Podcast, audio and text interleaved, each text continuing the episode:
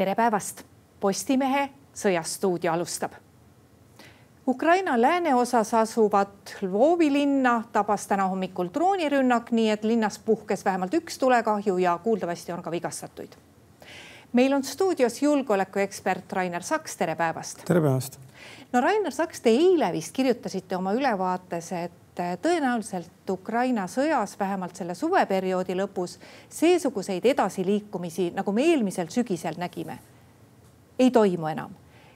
ja vaadates nüüd ka seda, milliseid avaldusi on Ukraina juhtkond ise viimastel nädalatel teinud, nimelt Ukraina president kuskil nädal aega tagasi ütles, et aga me peamegi olema nüüd valmis, et me elamegi pikka aega sõjaolukorras. kas siit võib välja lugeda, et me nüüd üha rohkem vaat piirdumegi sõjatandril selliste uudistega, nagu oli täna hommikul ja üha vähem räägime sellest, kuidas liigub rindejoon? jah, rindejoone liikumised toimuvad, aga nad on väga väikse ulatuselised, et äh, Ukraina jätkuvalt ikkagi tungib peale ja, ja, ja nagu hõivab Venemaa kaitsepositsioone, aga aga jah, nagu suuri territooriume vabastada ei ole nagu viimastel kuudel enam õnnestunud.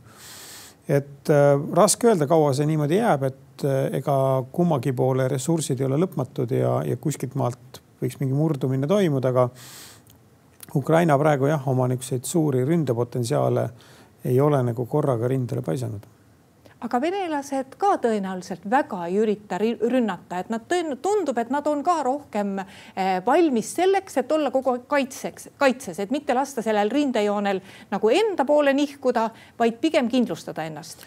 või nad ründavad? Eh, nad üritavad noh, nii-öelda vasturünnakuid, kogu selles sõjas on, on nüüd nagu tekkinud olukord, kus äh, niisuguseid suuri väekoondisi või suuremaid väegruppe soomustehnikaga äh, liikumas ei näe, sellepärast et nüüd kaitsepositsioonid on muutunud tõsisemaks ja, ja kaotused kasvavad ja kumbki pool ei taha enam talu, noh, väga suuri kaotusi. ja Vene pool ei ole kasutanud enam suuri üksuseid rünnakul juba kevadest peale Bahmuti langemisest saadik. ja, ja tõenäoliselt Vene armee on oma sellise suure ründepotentsiaaliga minetanud ei ole kvaliteeti, kvantiteeti on, aga, aga seda väge ei suudeta korraldada rünnakuks ja no eks Ukrainal on ka väikest viisi probleeme ikkagi, et kuna äh, Venemaa õhujõududest ei ole niimoodi jagu saadud, et nad ei segaks Ukrainase pealetungil.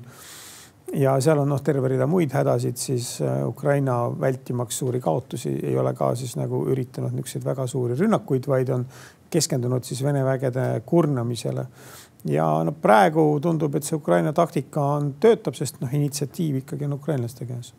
Eh, kui me tänast pilti vaatame, siis eh, kui palju on täna juba neid kohti, kus oluliselt on venelaste kaitsest läbi murtud? et eh, üks viimane uudis räägib meil Pahmuti kandist just, aga et kui palju neid kohti on ja, ja kas see tähendab seda, et noh, et kui sealt suudaks edasi minna, siis mingit väga tugevat vastuseisu ei oleks või vastasseisu ei oleks? no vist ei ole ikkagi sellist kohta, kust on täielikult Venemaa kaitseliinidest läbi murtud, kus üldse nagu kaitset enam ees ei ole, nagu juhtus eelmise aasta sügisel ähm, seal Harkovi äh, ja Izumi kandis. et sellist läbimurret ei ole praegu õnnestunud saavutada ja Venemaa ei ole ka nii lohakaid kaitseliine enam ehitanud nagu tookord. tookord ju Venemaa käsitles äh, sellist seal seisakut seal põhjas ajutisena, et taheti ju uut pealetungi alustada. seda ei suudetud. ja noh, väga suur osa on ka siis nagu kaudtulel, et kus siis nagu mõlemad pooled üritavad üksteise pealetungi väga varajases faasis juba siis nagu suurtükitule ja lennuväe tegevusega nagu mõjutada. aga kahes kohas jah, on nüüd Ukraina äh, murdnud läbi nagu Vene kaitseliinist natuke tõsisemalt, me vaatame siin kaardi peal see väga välja ei tule, see on liiga suure mõõtkavaga, aga üks on jah siin Bahmutist kohe vahetult lõuna poole. ja, ja teine on siis siin nagu umbes selles kohas, mis on siis suunaga Melitopoli ja siin on üks Tokmaki linn. et siis nende linnade peale, kus siis nagu äh, noh, Venemaa kaitseliinid nagu põhiosas on läbitud, aga äh, Venemaa siis kasutab praegu seda taktikat, et ta äh, üritab ukrainlaste edasitungi takistada siis niisuguste aktiivsete vasturünnakutega. ja no ma ei oska nüüd hinnata, et see sõltub jälle nüüd nagu sellest, et millised on mõlema poole reservid, et praegu nagu tundub, et nad kulutavad üsna arulagedalt oma väga võit, noh, kõige võitlusvõimeid üksuseid. aga ka need dessantväed, kes seal nii lõunas kui seal Bahmuti juures tegutsevad, on ikkagi juba valdavalt koosnevad nendest, kes on siin mobiliseeritud või teenistusse võetud eelmisel aastal, et nad ei ole ikkagi nii kogenud kui, kui need, kes selle sõja alguses osalesid Eh, kaugel sellest Tokmakist, mis kuuldavasti on ju ka üks olulisi logistika sõlmpunkte, et kaugel sellest ollakse ja, ja kui sinna võiks jõuda, et eh, kui palju halvemaks venelaste olukord läheb? no kilomeetrite mõttes ei ole ukrainlased kuigi kaugel, aga no seal on, seal on terve rida asjaolusid, millega nad peavad arvestama, et nad peavad selle Venemaa kaitsevõime ära väsitama et ei tekiks ohtu, et kui nad ka sinna mingi, mingi löögiüksusega sinna Tokmakini jõuavad, et neid seal ümber ei piirata ja nii edasi. nii et nad selles plaanis nagu Ukrainal nagu ei ole õnnestunud lüüa niisugust auku sinna Vene kaitsesse, et sealt oleks nagu suurte soomusvägedega nagu ohutu läbi minna. Ukraina president eh, saabus eh, New Yorki, et eh, osaleda ÜRO Peaassambleel. kui olulisi vastuseid võiks ta saada oma järjekordsele soovile saada kinnitust, et lääneriikide toetus Ukrainale on jätkuv ja nii suur, nagu Ukraina seda vajab? no seda kinnitust ta kahtlemata saab nüüd küll mitte otseselt seal peaassambleel, aga, aga siis kohtumistel äh, ja, ja ka Saksamaa teatas eile uuest äh, neljasaja miljoni eurosest abi, täiendavast järg, järjekordsest abipaketist äh, Ukrainale, see on vist, kui mu mälu ei peta, siis vist Saksamaa üks suuremaid, kui jätta kõrvale nüüd need tankide noh, hindamine, mis nad on üle andnud, aga, aga põhimõtteliselt ju Ameerikagi tõenäoliselt teavitab nüüd uuest abipaketist selle all, kui president äh, Zelenskil nüüd peale seda peaassambleed läheb Washingtoni kahepoolsele kohtumisele Ameerika Ühendriikide presidendiga. Nii et, äh, et selles osas ma nagu veel selle aasta perspektiivis nagu ei pelgaks, et see abi nüüd nagu kokku kuivab. ja käimas on ikkagi ju veel väga suured äh, väljaõppeprotsessid ja, ja noh, nii-öelda need on koalitsioonid, mis on moodustatud siis selleks, et anda lääne soomustehnikat, eelkõige tanke Ukrainale üle ja siis, mis on veel suurem protsess, et anda üle siis neid F kuusteist hävitajaid. noh, mille, mille väljaõpe, pilootide väljaõpe nüüd siis on lõpuks nagu väidetavalt siis täie, täie energiaga alanud. Äh, Putin isegi ei pidanud seekord minema New Yorki vist? ei, ta ei ole ka seal käinud kuigi tihti, see noh, ütleme niimoodi, et äh, see riigipeade külastus ei ole seal norm, et, ähm, et sõltub asjaoludest, mida keegi, kellelgi öelda on, aga, aga ja suur, suurte nende alaliste liikmesmaade presidendid ikkagi väga sageli seal ei käi, jah. Eh, samas oli Putinil kuskil nädal aega tagasi hoopis üks teistsugune kohtumine, kui eh, Põhja-Korea liider külastas Venemaad. Väga täpselt ei ole nüüd öeldud, et mis kokkuleppeid seal sõlmiti, aga, aga tahtis Venemaa tõenäoliselt saada sealt lahingumoona ja arvatavalt ta sellega sai. Ma ei kahtleks jah selles väga, et nad midagi sealt said, et äh, midagi alla kirjutatud ei ole ja sellist alla kirjutatud kokkulepet lahingmoona üleandmiseks ka kindlasti ei oleks võimalik sõlmida, sellepärast et sellega rikuks Venemaa sanktsioonirežiimi, mida ta ise on äh, aidanud nagu jõustada äh, ÜRO-s või mille poolt on hääletanud ja Putin ka ütles mingisuguse natukene hägusa, aga siiski arusaadava äh, lause selle kohta, et, et see koostöö ei hakka seda sanktsioonirežiimi, mis praegu Põhja-Korea suhtes kehtib, rikkuma. see ei tähenda, et see praktikas nii ei, ei toimuks ja, ja küllap nad siis praegu lihtsalt leppisid kokku mingisugustes põhimõttelistes perspektiivides, et kuhu see koostöö läheb, sest ega ka Lõuna, vabandust, Põhja-Korea ei ole nõus üle andma lihtsalt raha eest seda lahingmoona seda valu sellel Põhja-Koreal ei ole eh, lihtsalt, vaid ta peab siis saama selle vastu mingisugust tehnoloogilist ja muud abi. et eh, see oli selle visiidi eesmärk ja, ja noh, Venemaa tõenäoliselt nüüd siis nagu mingi lubaduse laadse asja pidi ka eh, Põhja-Koreale andma, aga me ei tea ka jälle täpselt, et mis see siis oli, sest nagu see show, mida tehti telekaamerate ees, see oli ikkagi rohkem selleks, et heidutada Ameerikat, mitte et kõik see, mida näidati, mida see Põhja-Korea liider seal katsus, et seda kõike nad ka saavad, et, et pigem me räägime siin perspektiividest ja ma arvaks niimoodi, et, et siin nüüd järgnevate kuude jooksul on näha, et kas see laskemoon hakkab liikuma Põhja-Koreast Venemaale. Ja kui see toimub, et siis võiks oodata võib-olla mingeid järgmiseid konkreetseid samme, mis siis mis siis nagu näitab, kuhu see koostöö tegelikult välja jõuab. No viimastel päevadel, lausa viimastel tundidel on nüüd spekuleeritud hästi palju Tšetšeeni liider eh, Kadõrovi tervise üle, et eh, paistab, et ollakse üksmeelel selles, et surnud ta ei ole, aga väga hästi temaga ka ei ole. kõigele vaatamata, kui palju hakkab see tema kehv tervislik seisung või ka lähitulevikus tema surm mõjutama Tšetšeeniat? no ma arvan, et kui ta oleks surnud, siis seda Venemaal vist ikka ei varjataks, seal ei ole nagu mingit mõtet.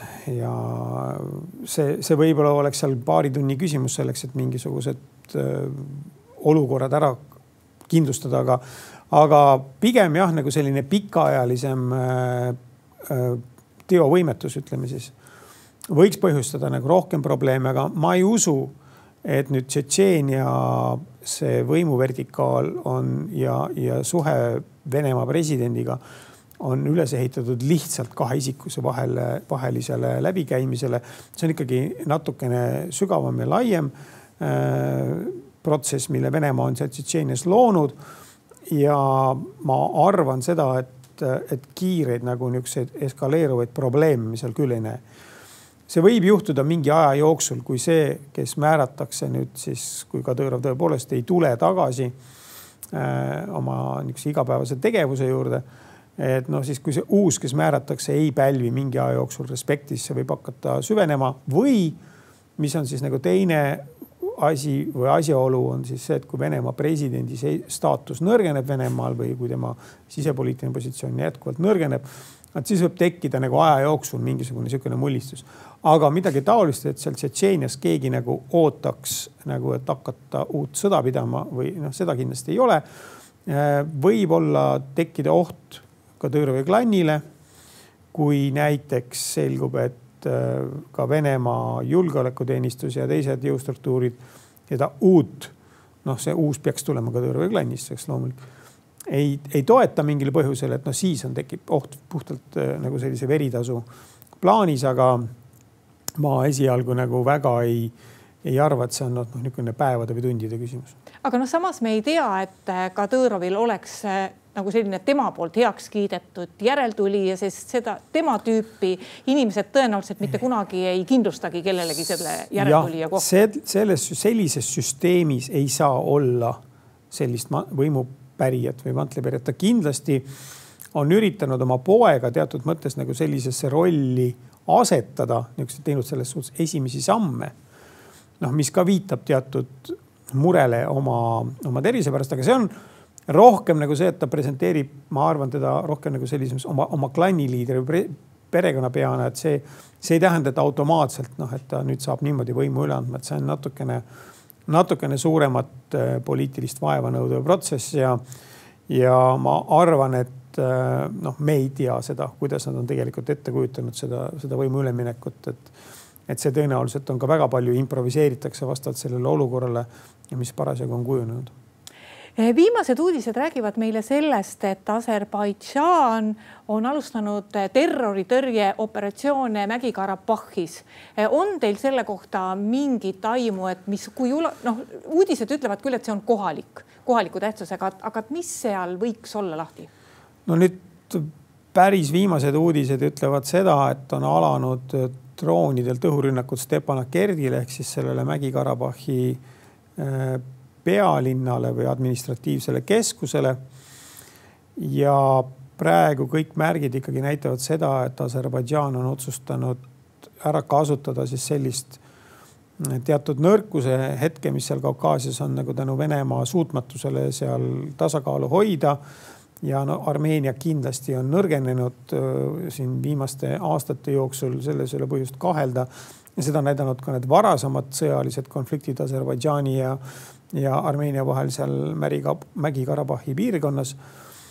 et no praegu jääb ja selline mulje, et, et Aserbaidžaan on otsustanud selle küsimuse lahendada jõuga ja ma ei oska siin nagu neid sündmusi nii täpselt ette prognoosida, aga, aga mis on nüüd nagu niisugune huvitav moment on siin selles teates, mille Aserbaidžaani kaitseministeerium on teinud, et rääkides ka nagu piiratud ulatusega terroritõrjeoperatsioonist, äh, mis siiski tähendab ilmselt äh, kogu oma jõududega sissetungi sinna Mägi-Karabahhisse vähemalt.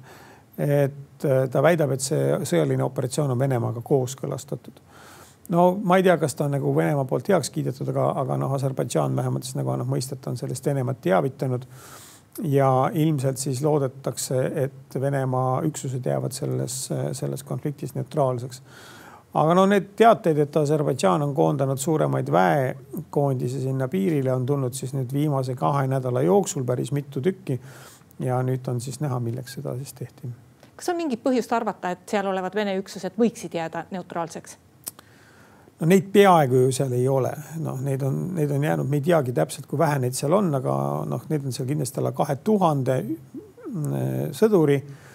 ja, ja ei ole neil seal ka mingit erilist relvastust ja nad on kaotanud võime seal tegelikult äh, nii-öelda seda kahte sõjalist poolt nagu jõuga lahus hoida. juhul kui nad hakkaks vastu, see oleks Aserbaidžaanile kindlasti täiendav risk. see ei oleks äh, väga mugav aga noh, sõjalises mõttes nad mingit ohtu või, või täiendavat erilist jõudu seal ei kujuta Aserbaidžaani jaoks. no tulles nüüd tagasi Ukraina juurde, et eh, kuidas võiks Ukraina selle järgmise talve selles sõjas üle, üle elada ja kui entusiastlikud võiksid olla, arvestades seda, et rindejoon jääb suhteliselt paigale. Eh, mõlemad hoiavad oma positsioone, et kui palju võiks olla lääneliitlastel siiski huvi jätkuvalt ja jätkuvalt anda Ukrainale neid relvi, mida Ukraina tahab, et siis ühel hetkel midagi suuremat sealt eh, saavutada, et missugune, missugune võiks tulla see talv üleüldse? no talv tuleb eelkõige sellest lähtuvalt, millise positsiooni Ukraina nüüd talveks saavutab ja, ja tegelikult siin on esimene suur küsimus on hoopis see, et et kas Ukraina nagu suudab nagu jätkata seda, hoida initsiatiivi, jätkata pealetungi, et kas Venemaa suudab selle initsiatiivi uuesti enda kätte võtta.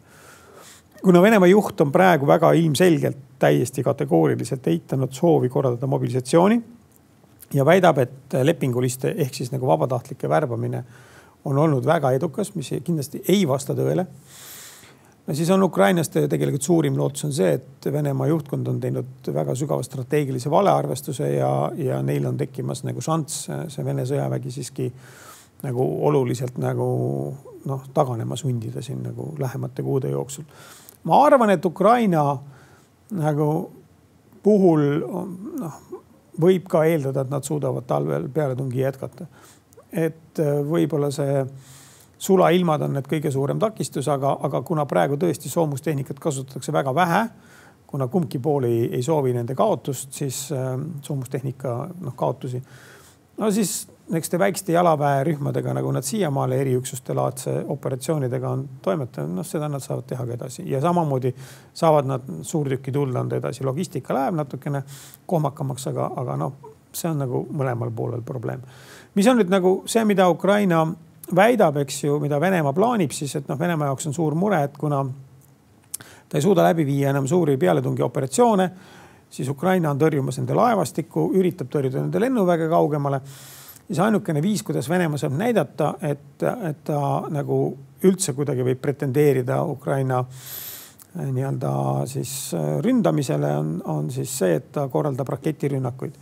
ja siis Ukraina väidab ja nüüd ka siis äh, Suurbritannia luure äh, väidab samamoodi, et Venemaa siis valmistab ette uusi raketi ja droonirünnakuid äh, siis Ukraina energeetika taristule, et tekitada siis jälle see külma ja energiapuuduse situatsioon.